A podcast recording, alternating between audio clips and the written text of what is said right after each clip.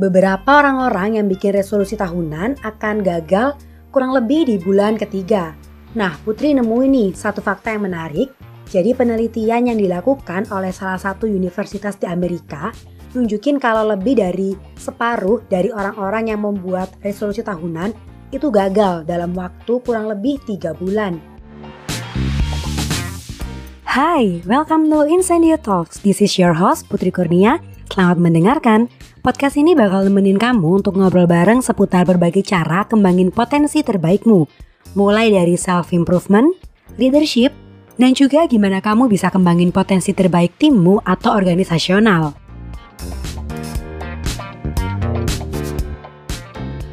Siapa nih yang kemarin pas tahun baru udah bikin segudang resolusi buat tahun 2021 ini? Atau kamu tim yang ngelanjutin resolusi 2020? Atau tim yang gak buat resolusi? Nah, resolusi tahunan itu ternyata masih dilakukan sama sebagian besar orang loh. Setidaknya itu menjadi hal yang keren ketika kita punya mimpi yang besar buat tahun ini. Apalagi kalau bisa dibagikan atau di-sharingkan ke orang lain. Tapi nih ya, yang jadi tantangannya adalah gimana sih caranya supaya kita tetap bisa termotivasi selama 12 bulan ke depan alias selama setahun penuh. Dan setidaknya setelah itu kita bisa centang checklist resolusi kita satu persatu di akhir tahun. Nah, di episode kali ini kita akan bahas bareng, kita akan ngobrol bareng seputar gimana caranya supaya hati kita tetap terbakar atau berapi-api untuk mencapai list resolusi kita di tahun ini. Oke, tanpa ngomong doang, berikut ini caranya buat jaga motivasi kamu meraih resolusi tahunan. Check this out.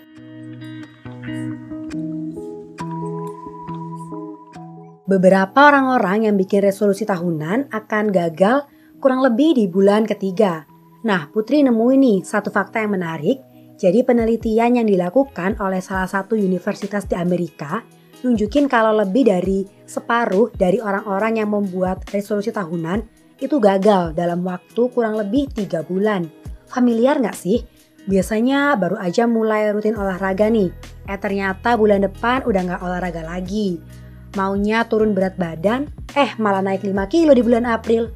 Udah konsisten baca buku tiap hari, eh masuk bulan Maret udah mulai kendor lagi. Sayang banget nggak sih? Padahal sudah berproses buat hidup yang lebih baik, tapi belum setahun udah berhenti. Putri yakin kalau kamu yang sedang mendengarkan dan bertahan sampai detik ini pasti punya keinginan atau kemauan untuk tetap stay on track dengan resolusimu tahun ini.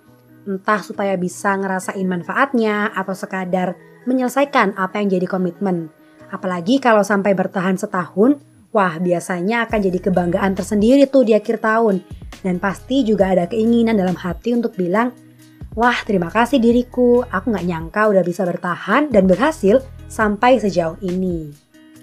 Nah, kali ini Putri pengen ajak kamu untuk praktekin bareng tiga hal yang perlu kamu perhatikan dalam upaya untuk menjaga semangat atau motivasi kamu untuk mencapai resolusi tahun ini.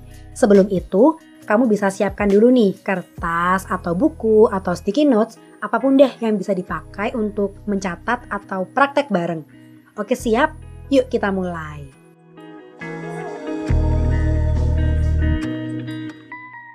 Pernah nggak sih kamu inget-inget lagi masa di mana kamu rajin banget bangun pagi dan melakukan sesuatu hal? Bukan cuma buat persiapan berangkat ke sekolah, berkuliah, atau kerja, tapi untuk olahraga, pergi ke pasar terus masak, atau mungkin saat mau mengerjakan sesuatu yang kamu sukai di hari itu. Ada cerita nih dari temanku, semasa dia SMA, dia itu sering banget tidur lebih malam karena harus belajar dan kerja PR. Belum lagi nih, waktu itu dia pakai antar jemput buat ke sekolah. Dan karena rumahnya paling jauh dari sekolah, dia jadi penumpang yang dijemput pertama kali, terus diantar pulangnya itu paling terakhir otomatis dia jadi kurang tidur. Biasanya tidur dari jam 11 malam, terus bangun pagi pas jam 4 pagi. Jadi kayak rata-rata dia cuma tidur 6 jam dan bahkan bisa kurang. Nggak jarang sih pas bangun, rasanya itu masih ngantuk dan pengen tidur lagi. Tapi lucunya ketika masa liburan, dia malah semangat buat bangun pagi jam 4 pagi hampir setiap hari. cuma buat main game karena memang di jam pagi itu dia ngerasa kalau dia nggak perlu rebutan lahan dengan player lain. Menurutnya dengan cara itu, karakter di dalam gamenya itu bisa berkembang dengan lebih cepat. Kalau aku pikir-pikir lagi ya, kok bisa ya seniat itu? Padahal kalau orang lain atau mungkin kalau aku sendiri, pastinya lebih milih untuk tidur lebih lama dan enak-enakan di kasur. Ngapain coba bangun subuh-subuh demi game? Tapi ya, aku nggak tahu juga ya, itulah yang terjadi. Mungkin kamu yang lagi dengerin juga pernah punya pengalaman serupa nih. Misal kamu lagi main game atau rebahan atau main medsos deh. Terus orang tua nyuruh buat cuci piring atau nyapu rumah. Bawaannya pasti males banget, ya nggak sih? Waktu cuci piring itu mungkin akan sambil ngomel, ngerjainnya apa adanya supaya cepet selesai, cepet kelar. Tapi pasti juga pernah nih kamu ngerasa Kadang tiba-tiba kita punya keinginan untuk bantu orang tua bersih-bersih rumah, nyapu rumah, atau mungkin ngepel, bersih-bersih yang lainnya, atau mungkin olahraga tanpa disuruh langsung aja dikerjain. Nah, coba deh, pernah nggak kamu inget kira-kira apa yang kamu rasakan waktu itu? Waktu cuci piring, atau waktu olahraga, atau waktu bersih-bersih itu? Putri yakin pasti ada perasaan bersemangat, ada perasaan fokus, dan waktu kita sudah selesai menyelesaikannya, perasaan kita itu jadi senang, jadi lega, jadi bangga gitu. Nah, dari cerita-cerita itu tadi, ada satu benang merah yang bisa kita ambil nih, yaitu ketika kita menemukan alasan untuk melakukan sesuatu hal dan membuat keputusan dari diri kita sendiri, itu bisa bikin kita terus bersemangat loh dan tentunya fokus. Bahkan hal itu bisa bantu kita untuk konsisten menjalani progres yang ada untuk mencapai target resolusi kita. Nah, hal itulah yang dinamakan autonomi. Untuk membiasakan diri punya autonomi setiap hari, coba sekarang kamu ambil kertas catatanmu atau mungkin catatan resolusimu tahun ini. Yes, kita akan praktekkan ini buat kamu yang baru mulai membuat tujuan atau resolusi tahun baru. Tapi juga nggak ketinggalan buat kamu yang sudah punya, yuk kita evaluasi bareng Pastikan kertasmu itu ada space yang cukup ya, karena kita masih punya dua poin lagi yang akan kita bahas setelah ini. Dan tentunya ketiga hal ini akan saling berhubungan. Oke, sekarang buatlah dua kolom tabel yang cukup tinggi di bagian paling kiri kertas. Terus di bagian atas buatlah satu baris sebagai tempat judul. Nah, tulis judul di kolom paling kiri, apa yang mau aku capai. Terus tuliskan judul di kolom kedua, apa alasanku. Pastikan apa yang kamu tulis itu benar-benar dari dirimu ya, bukan karena pengaruh orang lain atau ikut-ikut teman. Nah, buat kamu yang sudah punya resolusi, coba nih kita evaluasi dulu pakai dua tabel itu, lalu kita akan simak bersama. Mencari tahu apa yang benar-benar ingin kita raih, memang nggak bisa cuma sehari atau semalam pastinya perlu waktu untuk berpikir, merenung, sampai kita benar-benar menemukan hal yang istilahnya tuh menggetarkan hati gitu. Atau bisa dibilang itu bikin kita kepikiran terus rasanya. Bikin hati kita rasanya pingin cepet-cepet buat action. Kamu bisa pause dulu sebentar untuk menuliskannya, seenggaknya satu poin dulu, terus kita pindah ke poin berikutnya.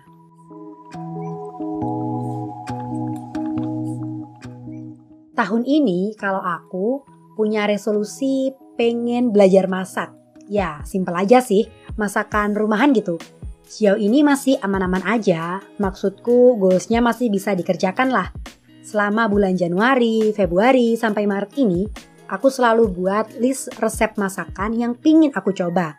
Ya pastinya dari masakan yang simple sampai ke masakan yang agak ribet masaknya dan tentu pakai bumbu yang bisa dibilang cukup banyak Oh iya, biasanya aku juga selingi dengan beberapa resep kue camilan, jadi biar nggak bosen gitu.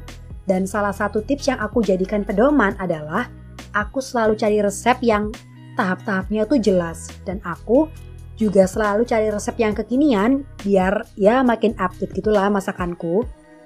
Nah, sama dengan prosesku yang belajar masak tadi, mulai dari cari resep sampai coba praktek masak, kita mau belajar untuk membuat tahapan atau langkah-langkah yang bisa dilakukan untuk mencapai goals tertentu. Ya biar resolusinya nggak cuma dibayang-bayangkan aja, perlu loh untuk memberikan aktivitas yang jelas dan bisa dicapai. Supaya kita jadinya nggak bingung, harus mulai dari mana ya? Nah, ini namanya sustain progress. Misal nih ya, tahun ini kamu punya target turun 10 kilo. Maka kamu bisa membreakdown seperti ini. Dimulai dari bulan pertama turun 1 kilo dengan cara olahraga 15 menit setiap hari, perbanyak minum air mineral, kurangi camilan, dan perbanyak makan buah. Poinnya adalah tahapan dan langkah yang dibuat itu jangan terlalu sulit biar nggak takut, tapi juga jangan terlalu mudah supaya jadinya nggak bosan atau malah meremehkan. Nah, sekarang kita kembali lagi nih, lihat ke kertas yang sudah kamu isi tadi. Oke, terus buat satu kolom lagi di sebelahnya dengan judul langkah-langkah yang harus dilakukan. Pastikan apa yang kamu tulis itu benar-benar bisa dilakukan ya, supaya nggak sekadar jadi tulisan dan pajangan. Nah, kamu bisa tulis sambil kamu pause podcast ini.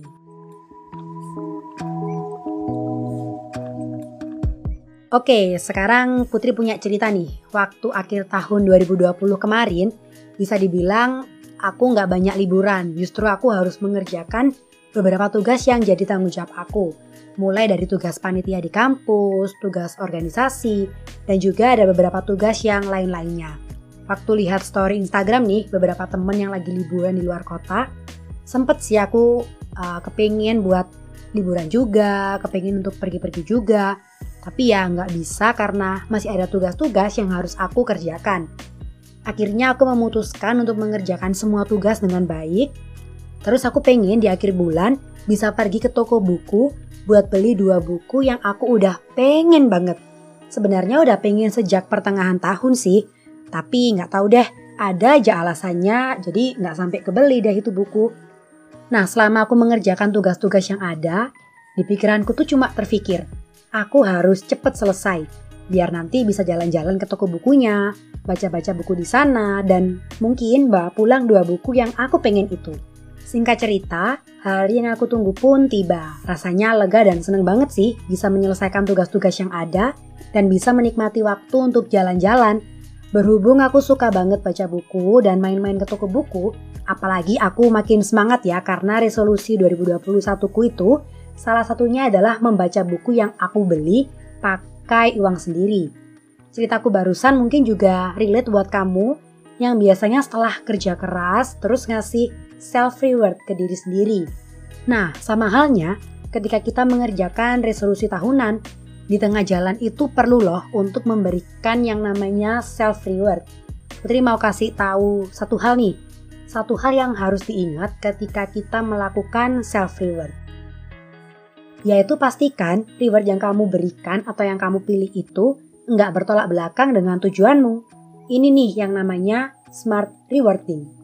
Yap, hal ini masih kurang disadari loh. Poinnya adalah memberikan reward yang mendukung progresmu Misalnya nih, kalau kamu lagi diet, jangan memberikan reward berupa cheat day. Tapi akan lebih baik kalau kamu kasih reward seperti alat olahraga baru, suplemen tambahan, atau mungkin baju baru karena kamu makin kurusan. Tujuannya supaya reward itu bikin kita lebih tergerak buat melakukan kebiasaan atau progresnya, bukan malah jadi pelarian dari proses yang sudah kita bentuk selama ini. Nah, jadi yang terakhir nih, Coba kamu ambil lagi kertas yang sudah kamu tulis tadi dan buat lagi satu kolom di sebelahnya dengan judul Smart Rewarding.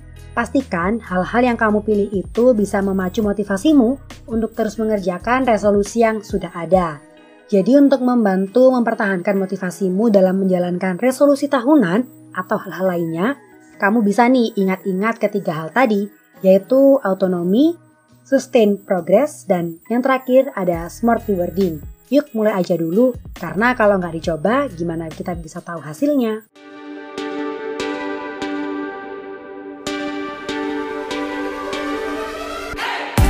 Thank you udah dengerin sampai akhir dan bila podcast ini bermanfaat, nggak perlu sungkan untuk bagikan ke teman kamu yang membutuhkan insight ini. Incendio Talks available tiap hari Jumat di Spotify. Kita akan ngobrolin seputar self-improvement, leadership, dan organisasional. Untuk daily insight, kamu juga bisa cek our Instagram at incendio.id. See you!